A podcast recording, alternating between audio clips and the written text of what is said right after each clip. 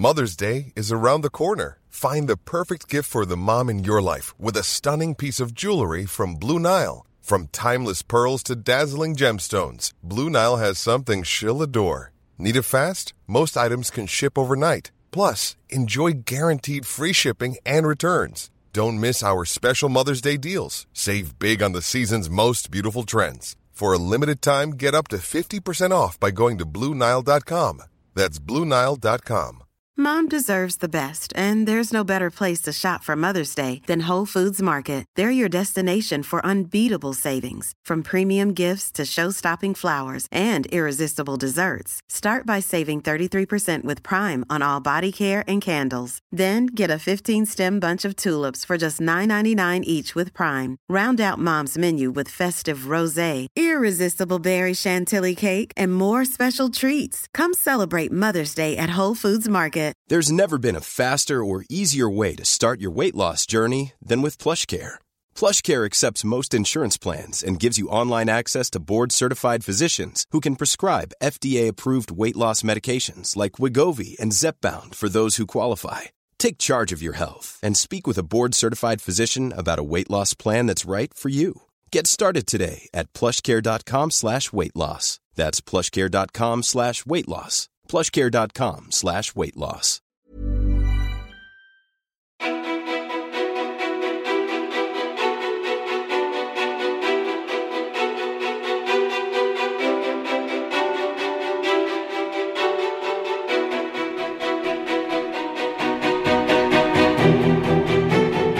Marquis Tainton slog igenom i Sveriges Mästerkock 2014 där hon slutade på tredje plats. Året efter släppte hon sin första kokbok och sedan dess är hon en uppskattad TV4-profil som ofta lagar mat i rutan.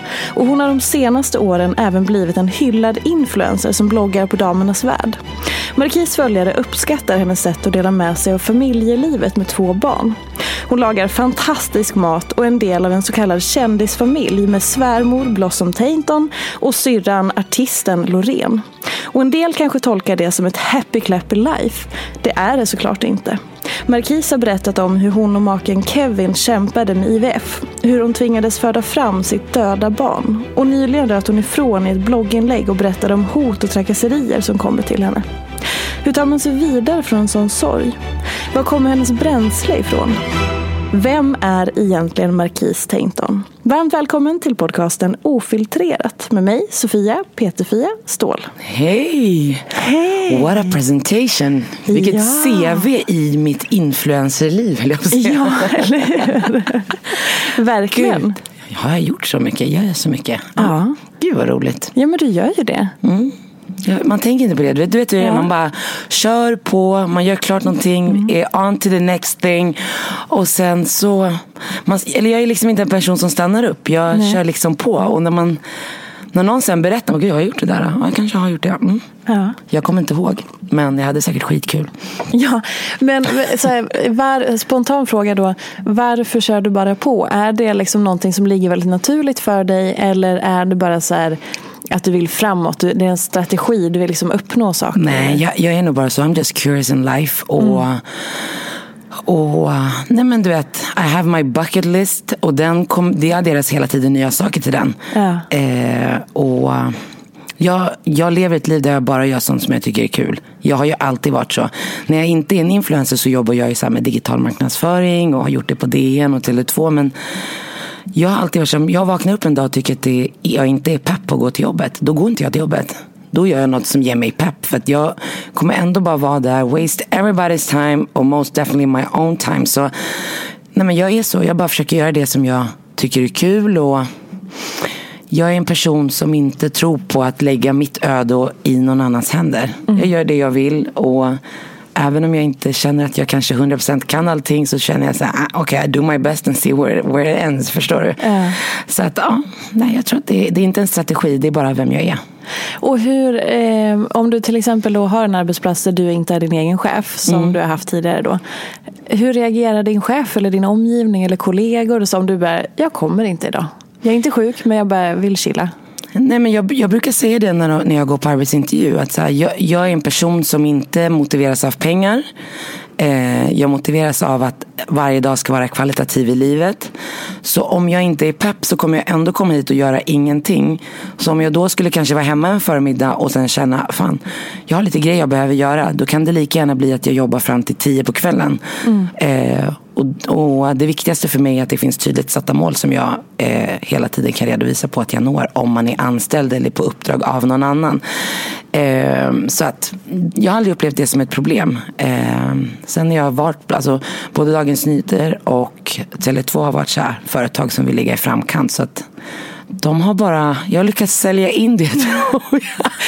jo, men, och när man tänker på, för att det där är så intressant. För jag, spontant när du sa det så tänkte jag så här, oh det här låter säkert provocerande för många. Att, ja, det, så här, det att det blir så, eh, så lätt och bara lätt för dig att säga. Eller så här, eh, du förstår, alltså lite den här, eh, för att vi är så intutade i att man går till jobbet sina kontorstid och det är ju mm. gamla arbetsplats, liksom, det är så vi har bestämt att det ska vara. Mm.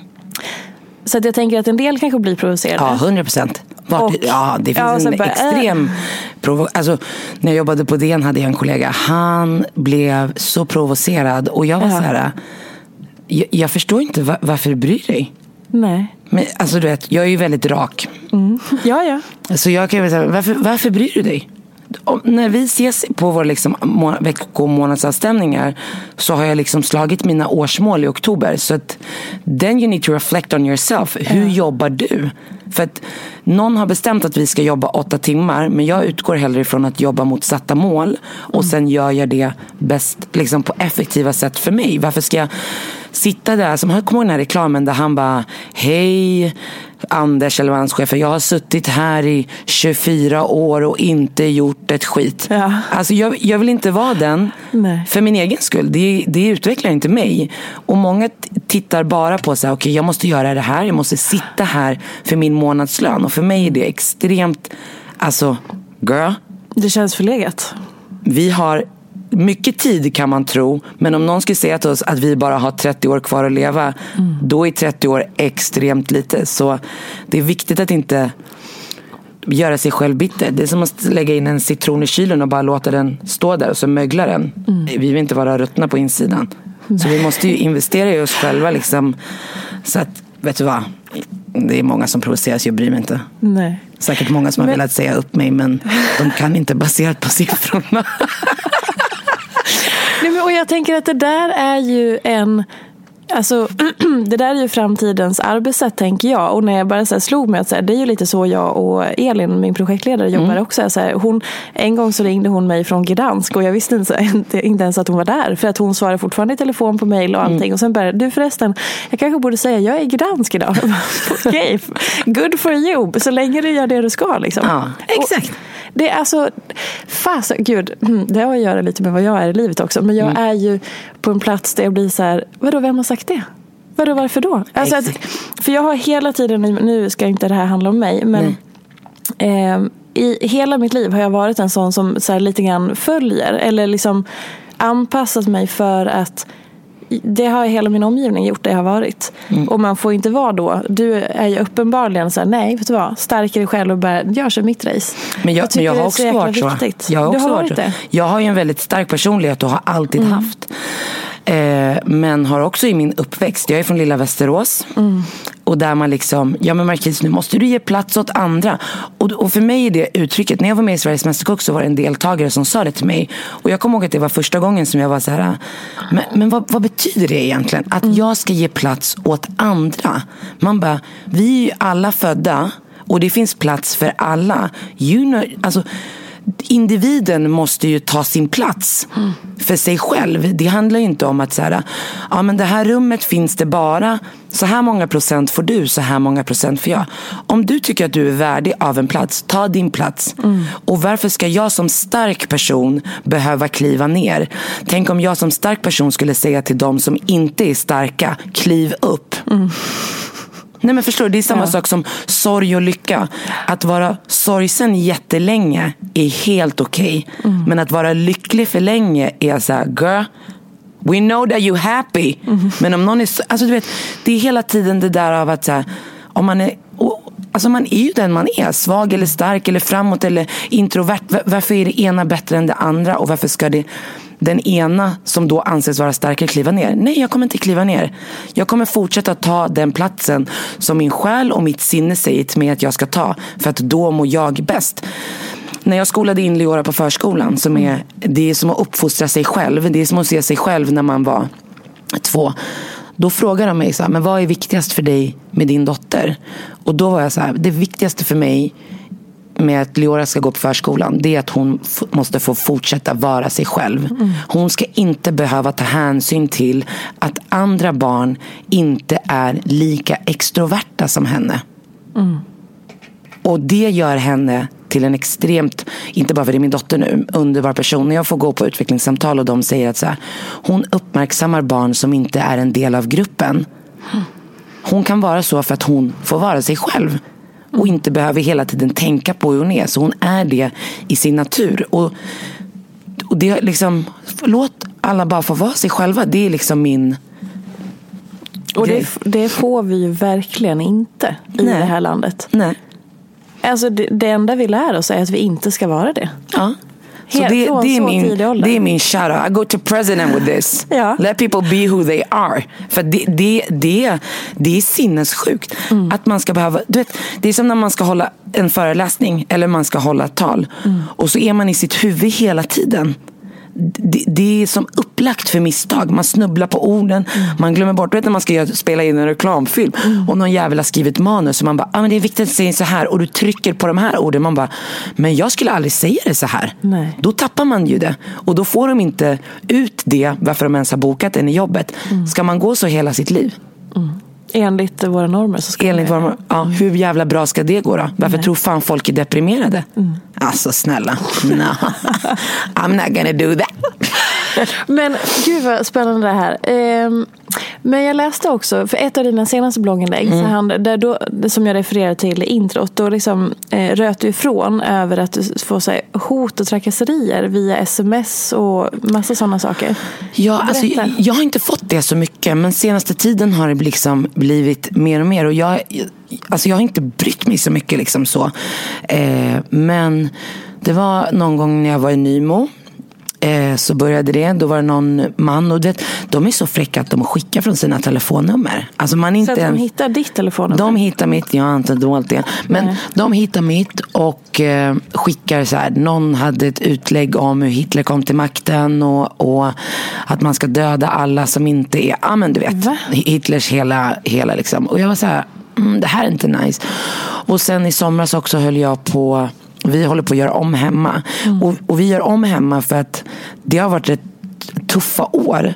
Och everywhere I go reminds me of det tuffa. Så därför vill jag göra om. Jag vill säga, okej, okay, jag vill inte flytta till en ny lägenhet. Jag vill bara refresh my home. Mm. Så höll vi på med säng. Och du vet, folk vill veta vad man gör i sitt liv. Men om mitt fokus just nu är att leta efter en säng. Och man är så nöjd. Då är det så här, det här inlägget är köpt och du ska lägga av. Man bara, brorsan. Du behöver inte vara på min blogg.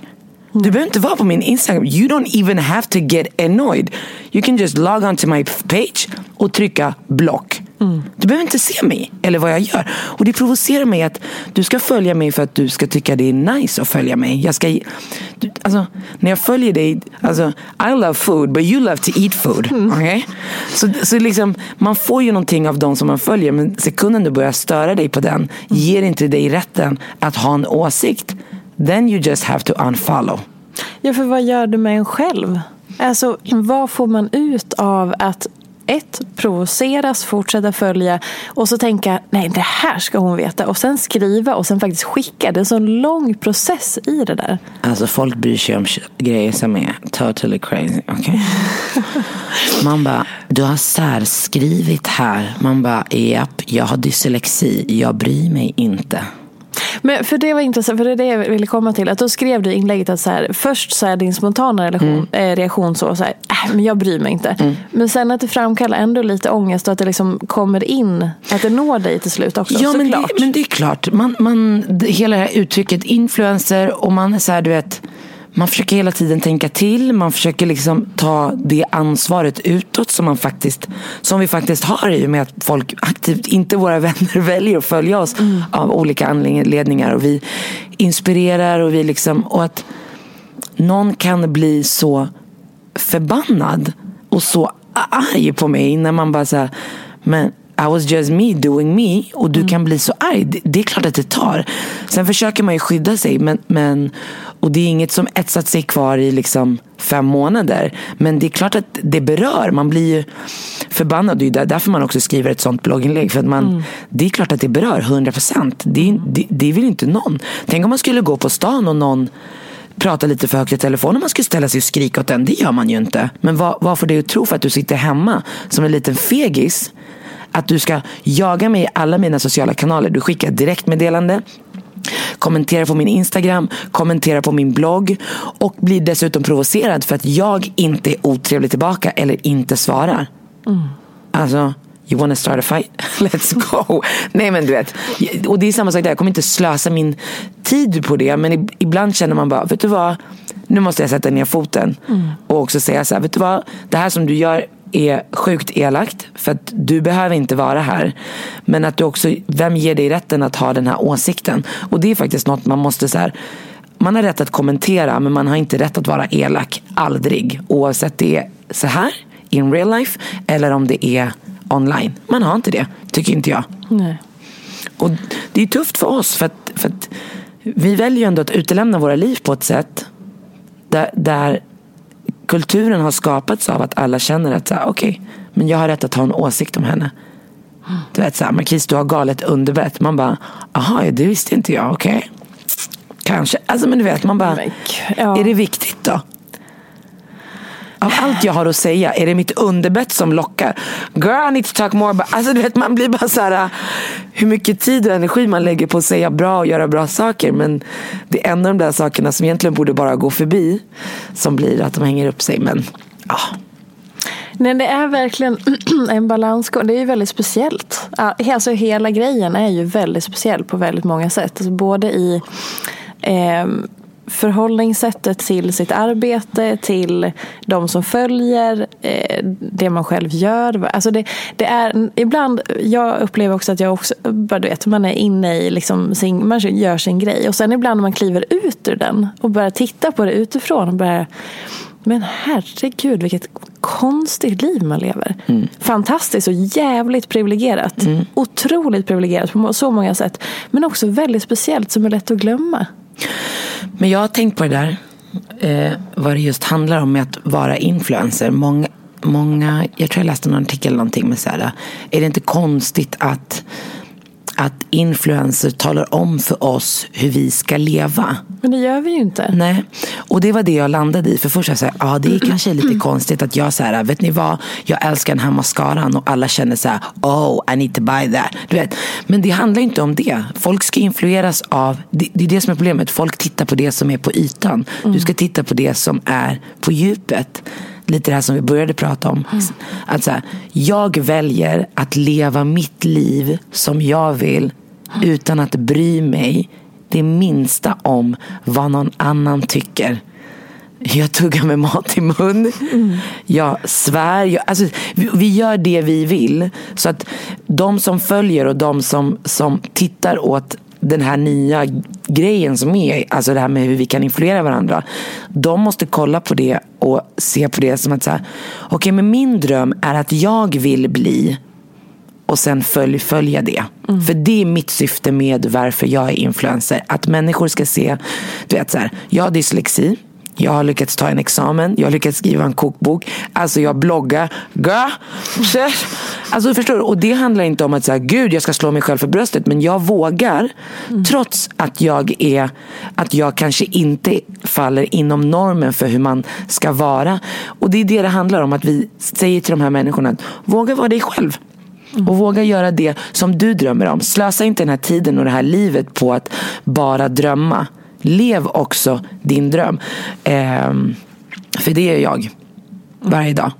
Med det goda och det onda. Och livet har både bra och dåliga sidor oavsett du bara sitter och drömmer eller om du faktiskt gör det som du vill göra.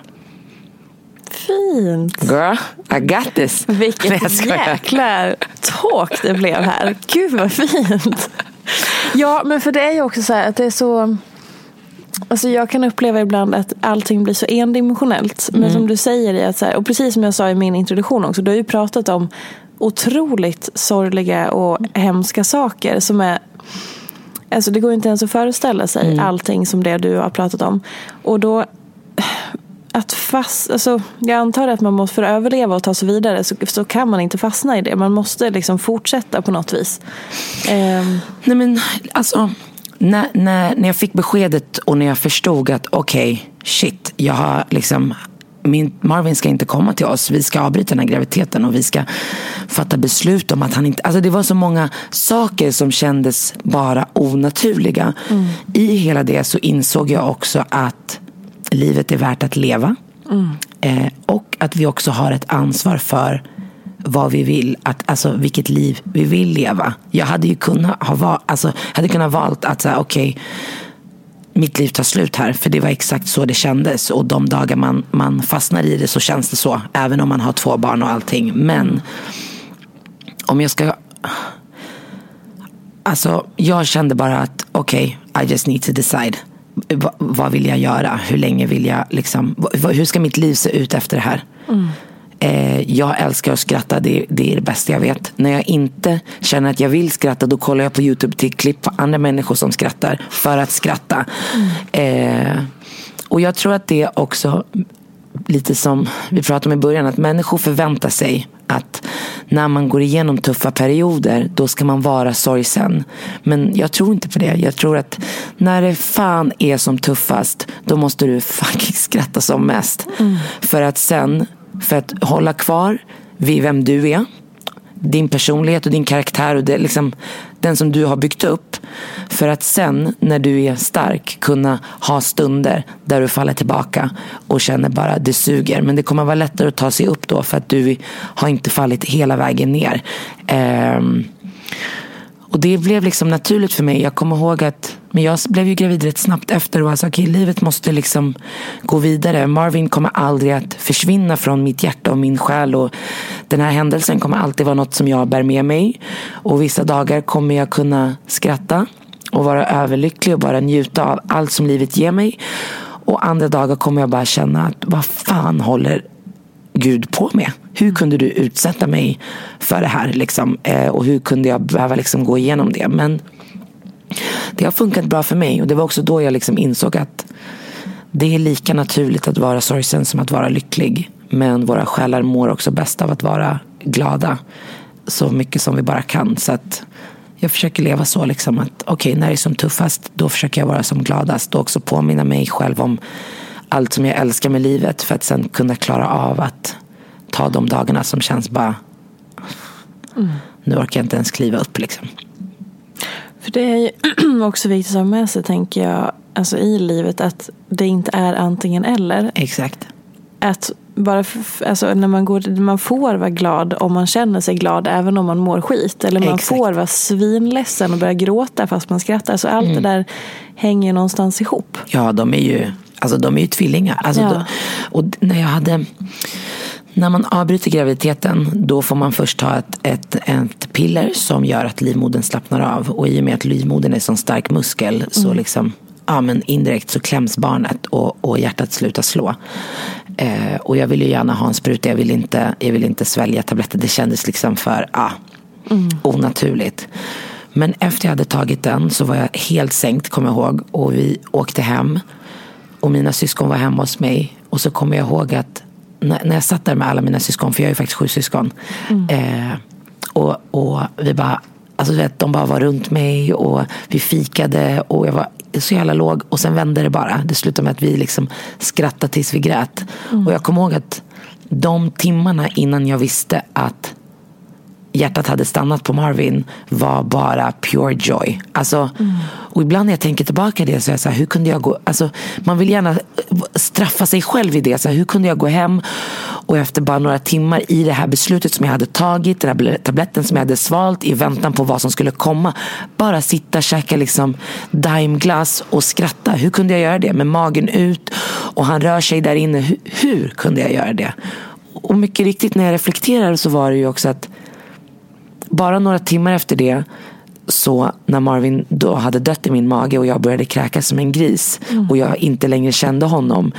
Jag behövde allt det för att kunna ta mig igenom det som sen skulle komma. Och det är också ett tydligt tecken på att det är inte antingen eller och du behöver det ena för att klara det andra. Så det går liksom back and forth. Gud, nu gråter jag. Nej, men, Ja, fy fan vad sjukt. jag vet, det, det, det är onaturligt. Men, men det är många saker som vi människor tycker är onaturliga. Och vi gör alla våra resor och ibland kan man känna så här, ah, what a wa- alltså du vet, hur kunde det liksom, det känns jävla slöseri på något sätt. Men det har gett mig så mycket i mitt liv. Han, han ger mig varje dag. Alltså du vet, att fortsätta att fortsätta vara jag, att fortsätta göra det som jag drömmer om, att liksom leva livet fullt ut. Eh, så att man får vara tacksam på något sätt för det. För det lilla. Och jag fick Leora Shadej efter honom. Och den ena ersätter inte den andra. Men du vet, jag är också muslim. Och, och i islam så säger man att allt är liksom skrivet och bestämt innan. Så att, och det kan vara rätt skönt och befriande att inse att okej, this was meant to be. Oavsett det är en lycka eller smärta. Så att vad du och jag, jag än hade bestämt så hade vi suttit här. Och det här hade hänt. Och vi hade jobbat med det som vi hade jobbat med. Då blir det inte lika tufft. Alltså så. Att det liksom är okej. Och en indisk läkare sa till mig, för jag var så här på ayurveda retreat med min svärmor efter. Och så fick man träffa honom och så satt man och pratade lite med honom. Och jag sa till honom att han bara, hur mår du? Jag bara, jag mår så dåligt. Jag bara, jag kan inte förstå det här. Och så tittade han bara på mig och så sa han till mig, Marquis, varför mår du dåligt? Jag bara, nej men du vet jag har förlorat mitt son. Han bara, men Marquis, din resa, du är ju fortfarande här. Så din resa, du sitter ju fortfarande kvar på bussen.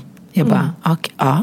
Han bara, så att, why you're sad? Jag bara, uh, för att uh, I lost my child. Uh, du vet, jag känner mig så dum. Han bara, hans resa tog slut och du, du vet inte vad hans resa tog slut till. Jag bara, Va? Jag blev arg först. Jag bara, säg inte så till mig. Det här är det tuffaste i mitt liv. Och du gör det som att det var liksom, ja men det här jobbet var ändå inte bra för dig. Du vet. Och jag kommer ihåg, och sen när jag gick därifrån, jag bara, att förlora någon och känna sorg för det är en extremt egoistisk känsla. Det är ju för, för att det inte kom till mig egentligen. Just det. Om man tänker att så här, man ska förlora sin mamma då får man ju ångest för sig själv. För att man Hur behöver sin mamma. sig. Hur ska jag klara mig? Så det är extremt Gud vad egoistiskt. intressant. Vilken intressant. Så jag gick tillbaka till mitt hotellrum Ja. och bara vad, vad säger han till mig? Mm. Och jag bara, alltså mina tankar gick i 110 och sen var jag bara så här. Vi vet ingenting mer än bara det här. Mm. Och du vet, let's not try to play Jesus. okay? Alla kan inte vara som Kanye, du vet. Vi måste bara step back. Nej men, så att det är alla de här människorna som jag har mött som också har gjort, alltså och att också ha familj och vänner runt sig gör att man fördelar sorgen på varandra. Alltså du vet, man har 100% sorg, alla bär 10%. Det är liksom det lättare på något sätt. Eh, att också ha sina vänner och sin familj, främst min familj runt omkring sig gör också att man påminns om vad som är viktigast i livet och att livet faktiskt fortsätter. Och det är viktigt att låta sig själv oavsett, men som vi pratade om, en breakup, whatever it is. Att låta sig själv säga, men vet du vad? Nu har jag bestämt att jag ska gå vidare och inte lyssna in vad alla andra hela tiden tycker och tänker. When you're ready to pop the question, the last thing you want to do is second guess the ring. At Bluenile.com, you can design a one of a kind ring with the ease and convenience of shopping online. Choose your diamond and setting. When you find the one, you'll get it delivered right to your door. Go to Bluenile.com and use promo code LISTEN to get $50 off your purchase of $500 or more. That's code LISTEN at Bluenile.com for $50 off your purchase. Bluenile.com code LISTEN. Even when we're on a budget, we still deserve nice things. Quince is a place to scoop up stunning high-end goods for 50 to 80% less than similar brands. They have buttery soft cashmere sweaters starting at $50, luxurious Italian leather bags, and so much more. Plus, Quince only works with factories that use safe, ethical, and responsible manufacturing. Get the high-end goods you'll love without the high price tag with Quince. Go to quince.com slash style for free shipping and 365-day returns. Burrow's furniture is built for the way you live. From ensuring easy assembly and disassembly to honoring highly requested new colors for their award-winning seating, they always have their customers in mind. Their modular seating is made out of durable materials to last and grow with you. And with Burrow, you always get fast, free shipping. Get up to 60% off during Burrow's Memorial Day sale at burrow.com slash ACAST. That's burrow.com slash ACAST. burrow.com slash ACAST. Since 2013, Bombas has donated over 100 million socks, underwear, and T-shirts to those facing homelessness. If we counted those on air, this ad would last over 1,157 days. But if we counted the time it takes to make a donation possible, it would take just a few clicks. Because every time you make a purchase, Bombas donates an item to someone who needs it. Go to bombas.com slash ACAST and use code ACAST for 20% off your first purchase. That's bombas.com slash ACAST, code ACAST. Hur har det varit, eh, liksom för du och Kevin har ju gått igenom otroligt mycket. Mm. Både då hela den här resan, både innan ni blev gravida och sen hela Mm. allt med Marvin och sen nu också två små barn ganska tätt. Ja. Hur liksom, väldigt tätt. Alltså, Leora det- är två. Två. Ett och ett halvt år mellan de jävla ungarna. Nej, jag ska... Men och hur liksom, eh, hur funkar det? Hur gör ni? Jag vet att alla, alla ser fina familjebilder på Instagram och tycker att det är så lull och gull-gull. Och så är det inte. Det ser inte ut så. Och den relationen som man får tumma på och liksom prioritera bort är den relationen som man har mellan varandra. Eh, och det, det, det är så. Och det är nästan mer ångest att försöka fortsätta vara de som vi var innan. För jag och Kevin har ju hängt ihop. Ja, men nu i mars blir det liksom 12 år. Men vi har ju haft extremt mycket tid där vi bara har brytt oss om oss själva. Bara gjort saker ihop. Bara lagt fokus på oss. Så att vi har ju längtat efter att vi ska liksom bli familj. Och vi försöker ju hitta rutinerna som alla pratar om. Alltså synka varandras liv. För att vi lever ju ett liv tillsammans men också parallella liv. Och vi gör våra egna resor. Men, men det är absolut en utmaning. Och det är svintufft. Och vi har haft det skittufft i, i vår relation ja, men de senaste två åren. Eh, men och ibland tänker jag så här, vad fan är det som håller ihop det här? Du vet, för det är många gånger man bara, "G- I'm out. Mm. Nu räcker det. Det har varit svinbra, men nu räcker det. Och sen när man har lugnat ner sig lite så bara går man tillbaka till känslan av hur mycket man älskar varandra och hur kul man har ihop och liksom allt det som man uppskattar.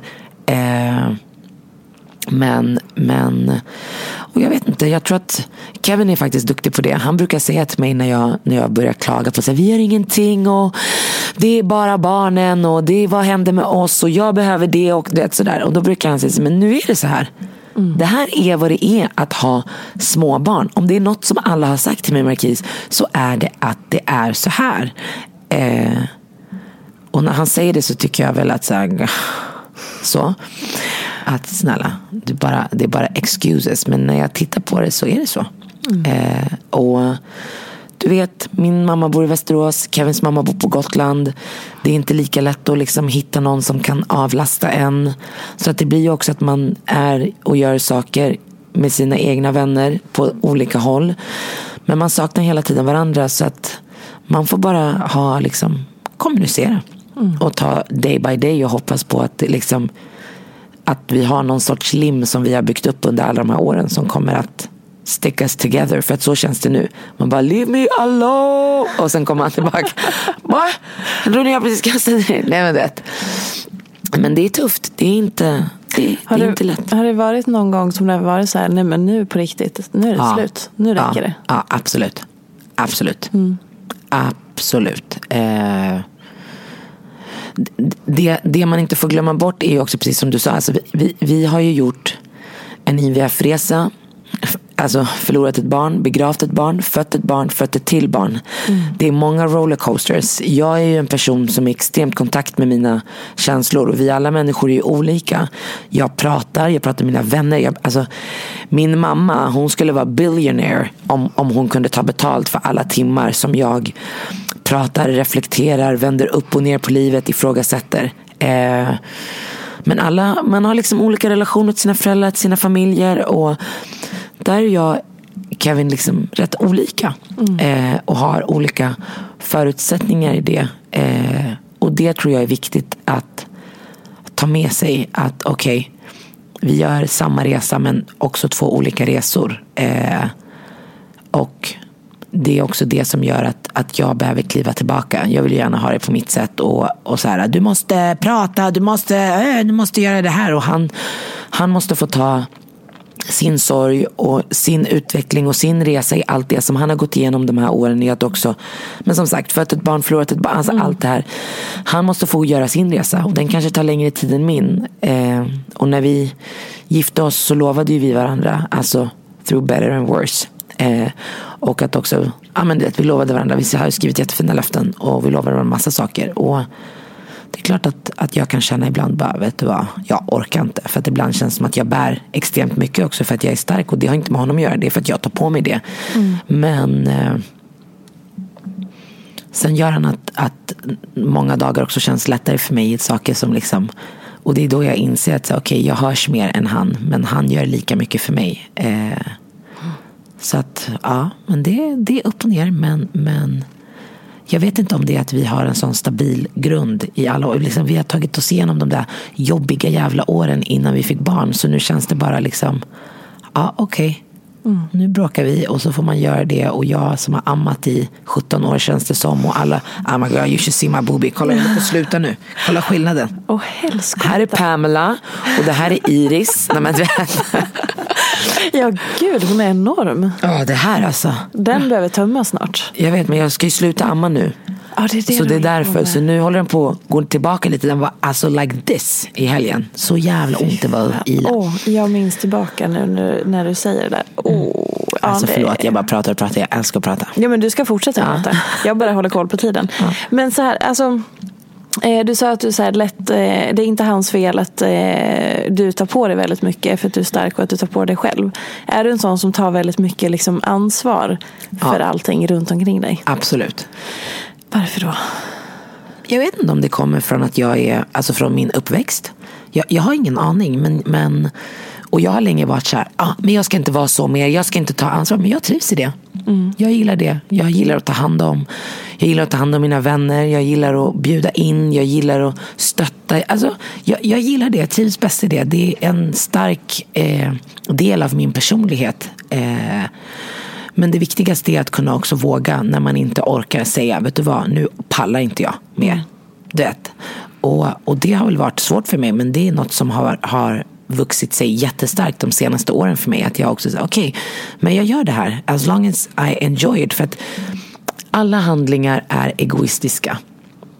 Jag bjuder hem dig på middag för att jag gillar dig. Och för att när du kommer gå hemifrån mig så kommer mitt hem och min själ och mitt hjärta vara fyllt av joy that I like. För att jag gillar din personlighet. Mm. Så att alla handlingar är egoistiska. Precis som den som kommer. Den kommer för att den vill äta god mat. För att den vill skratta. Alltså, så att vi alla människor är egoister. Så det är fel att vi ska börja peka ut varandra som människor som utnyttjar. Vi har de vänner vi har för att vi får ut någonting av det. Vi jobbar med det som vi jobbar med för att det gör oss, får, att, får oss att må bra. Och det är helt okej. Okay. Mm. Och jag mår bra av att göra. Jag mår bra av att ge. Jag mår bra av att dela med mig.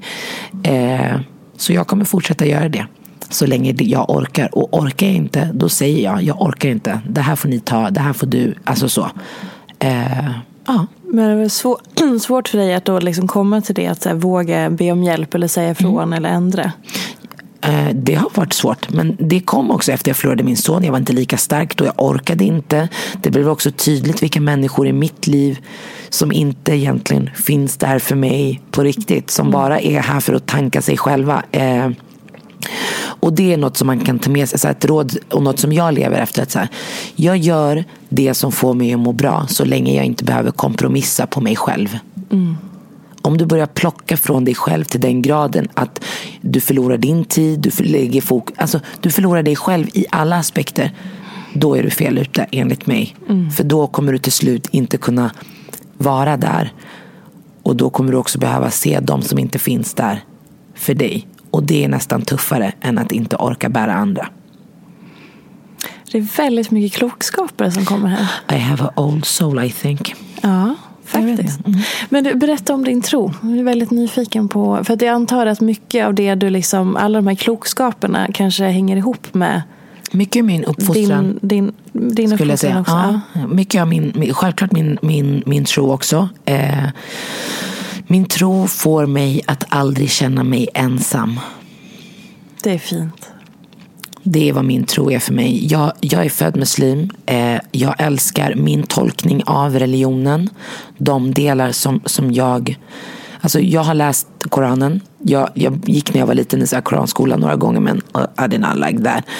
Eh, men, men eh, och jag tror också att mitt synsätt på och hur jag tolkar Koranen kommer av min uppfostran. Min mamma var 24 år när hon hade sex barn ensamstående. Va? Mm. 24 år, sex barn, ensamstående. Min mamma är 53 idag. Det är, Har sju barn idag. Det- Tre barnbarn. det är det, jag vet inte ens, det är så imponerande och allt. Va? Och, och hon har, i och med att hon har haft sex barn, varit tvungen att vara extremt hård i sin uppfostran. Eh, på ett bra sätt. Eh, och också varit tvungen att uppfostra starka individer. Individer som tror på sig själva. Som eh, kan våga följa sin väg. För hur ska, alltså förstår du? På det sättet. Eh, det tänkte man inte på som barn. Men en situation som hände. Jag tror jag gick i ettan eller tvåan. Eh, jag var mobbad när jag var yngre när jag gick i skolan. Eh, och För att? Nej, du vet jag hette Markis. Alltså, du vet. En av få invandrare i skolan. Ja, men du vet, massa saker. Eh, och det här är ju barn, det är ingenting man kan hålla emot dem idag. Det är inget som jag... Alltså, ibland så känner jag så här, tack. För att den situationen som hände i... Alltså det är så många situationer när jag blev mobbad som har stärkt mig idag. Eh, som har gett mig förmågan att se människor som kanske inte mår svinbra. Människor som behöver en extra ett extra smile när man åker tunnelbana eller när man går i stan. Någon på ICA som behöver ett hej. Alltså du vet. Så det har gett mig jättemycket. Så att jag försöker inte se på det som att det bara är något negativt. Utan liksom, men en situation var där jag till slut, när jag, alltså de hade hållit på i typ ett och ett halvt år. Till slut gick jag hem och jag bara, jag orkar inte mer. Och jag grät och jag var så här, mamma, de retar mig, jag vill inte gå till skolan. Och, alltså jag, I remember it. Med så mycket kärlek men med en extrem bestämdhet tittar hon på mig och så säger hon till mig, Markis, du ska inte komma hem hit och gråta för att någon är elak mot dig. Jag bara, va? Hon bara, lyssna, jag har fött dig.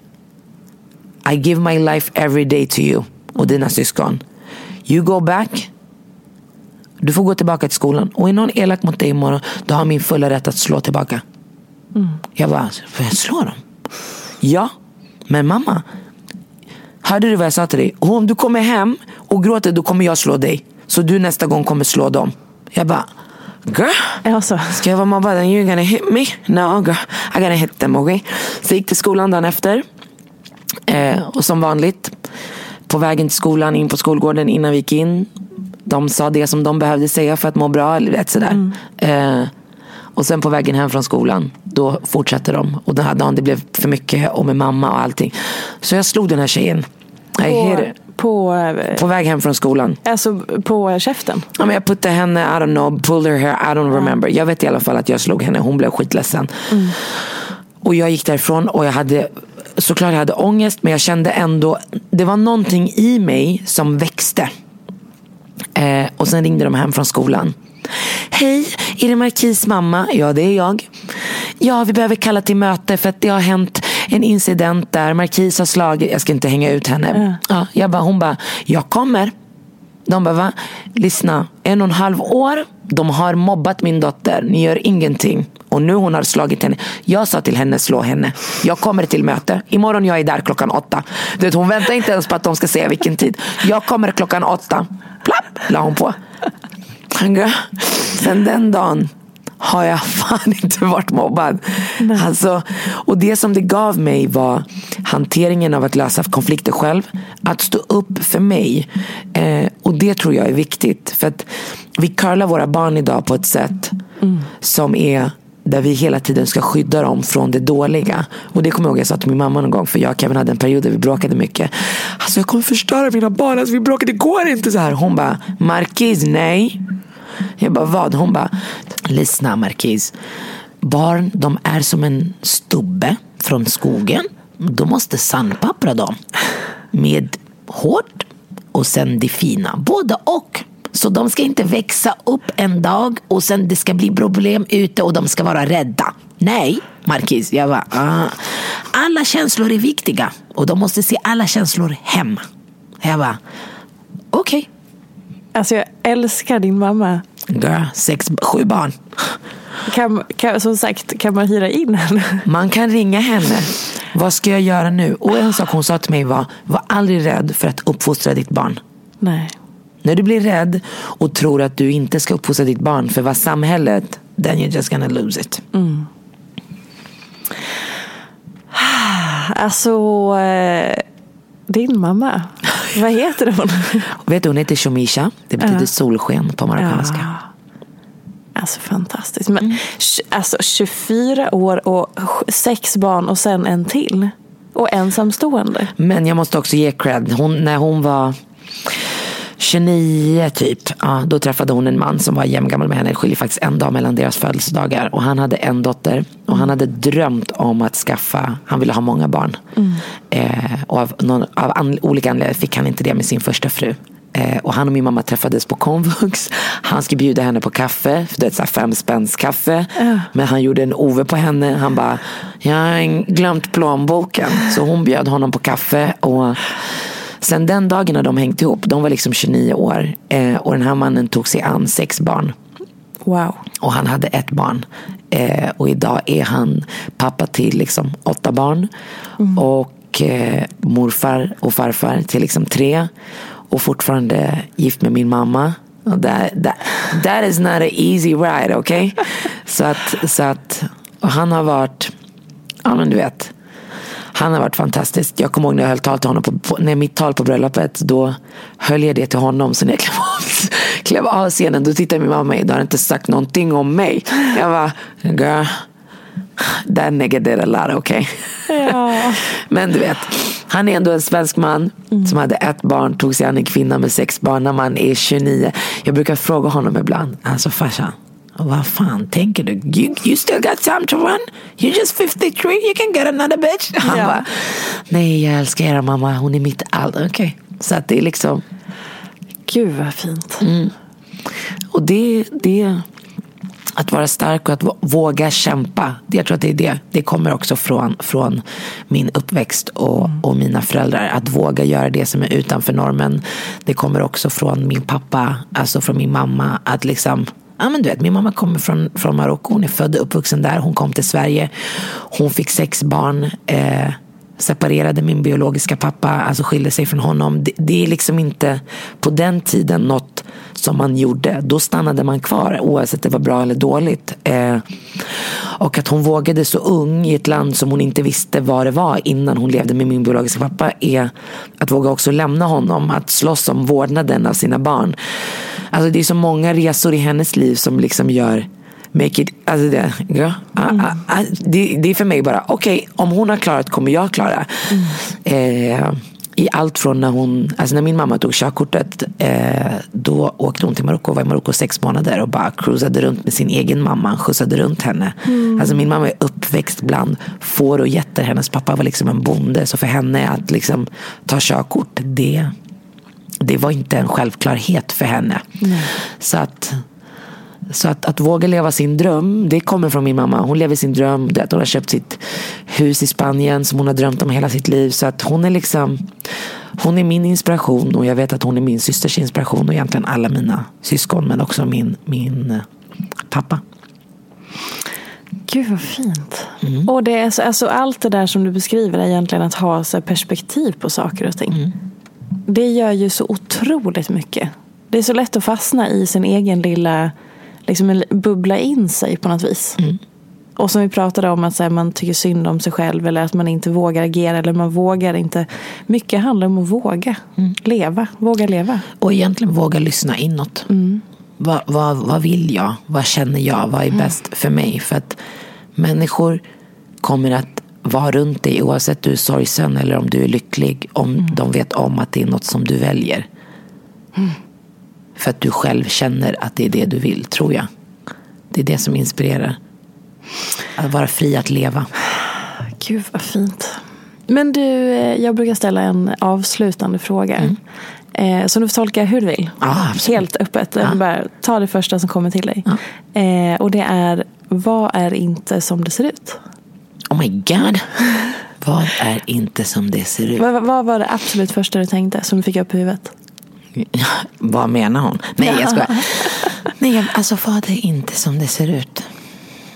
Ja, det är fan inte städat hemma hos mig. Det är inte många timmar. Det är, nej, men vet du, det är faktiskt sant. Det är faktiskt sant. Alltså, jag provoceras inte, men jag avundas alla människor som har så jävla clean och fint. Du vet, ibland när jag ska fota grejer, jag bara, uh, no. Alltså du vet, vad är inte som det ser ut? Nej, men vet du vad jag tänker på? Jag, många människor uppfattar tror jag mig som väldigt hård och liksom, ah, du vet så här, men jag är inte det. Jag är rätt mjuk på insidan faktiskt. Jag är det. Jag, jag, jag, är, jag är extremt i kontakt med mina känslor. Det gör också att jag är extremt alltså, I alla sårbar. känslor. Sårbar. Mm. Man blir liksom, när, när man är i, jag är ju också, jag har inte så mycket filter. Du vet, om jag har bråkat med Kevin en dag eller om jag är lack på min mamma. Du vet, den jag möter får veta. Jag är liksom inte så duktig på att klä på och liksom, "Ja, men nu är det så här. Du vet, så. Jag är inte så duktig på det. Och det, det kan också skapa situationer som, som folk också kan ha möjlighet att dra nytta av. Eh, liksom. Så att det... På vilket sätt? Nej men du vet, du vet hur människor är. Jag brukar kalla, vi, vi har en förmåga av att vara så här bone collectors. Vi vill alltid veta allt om för att kunna, du vet. Eh, och det är rätt oskönt liksom. Eh, och man har åkt på några käftsmällar där man bara, oh, det här kanske jag inte skulle ha sagt här. Men så, ah, du vet sådär. Men eh, Har du något exempel? nej, jag vill inte liksom, Nej. nej. Men det är bara, men jag kommer inte sluta vara så som jag är. Jag är den jag är. Men, men jag tror att många människor uppfattar mig som rätt liksom, tuff och modig. Och liksom, men man vågar bara vara tuff och modig om man också är känslig och liksom, ja men du vet, vulnerable. Eh, allt hänger ju liksom ihop. Så det tror jag att många människor glömmer bort. Du vet, för att man har lätt för att svära och man är liksom tuff utåt och rak och då tror folk att ah, men, hon kan ta whatever. Nej. Nej. Jag kan också bli ledsen om jag inte blir bjuden. Liksom. Det är inte, allt rinner inte bara. Alltså förstår du vad jag menar? Och, eh, ja, det det. Återigen, ingenting är liksom bara endimensionellt eller statiskt eller bara en sak. Nej. Nej. Ja. Det tycker jag ändå sammanfattar hela avsnittet. Gud vad fint. Mycket klokskaper här ju. ja, men jag, bara har se, bara så här, jag har suttit och myst och bara så här, tagit in och tagit till mig. Jätte, jättefint. Tack för att jag fick komma. Tack för att du ville komma. Ja, och följ Markis i sociala medier. Och vad, har du någonting kul du vill tipsa om? Finns Ja. boken kvar? Har du någonting annat på gång? Ja, Ja. 15 januari, då släpper jag min podd Table Talk med Markis. Kul! Mycket bra. Mm. Känns bra. 15 januari. Yes. Då kommer den. Ja, Och var lyssnar man? Överallt? överallt. Överallt. Mycket bra. Följ Överallt där den. man lyssnar på din. Underbart. Där kommer man kunna lyssna på min. Mycket bra. Puss och kram. Vi Puss hörs nästa vecka. Hej då! Följ mig gärna i sociala medier. Jag heter Peterfia på Instagram och bloggar på peterfia.se. Vill du komma i kontakt med mig så gör du det på info.peterfia.se. Jag vill rikta ett stort tack till Acast för studie och stöttning och ett stort, stort tack till geniet Elin Sjödén som klipper den här podcasten.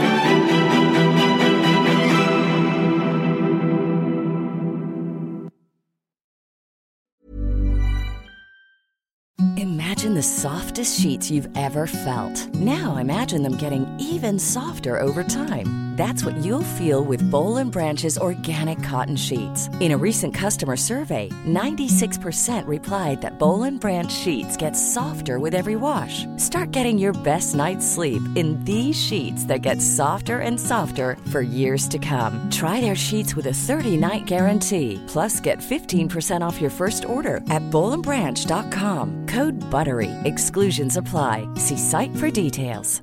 Flexibility is great. That's why there's yoga. Flexibility for your insurance coverage is great too. That's why there's United Healthcare Insurance Plans.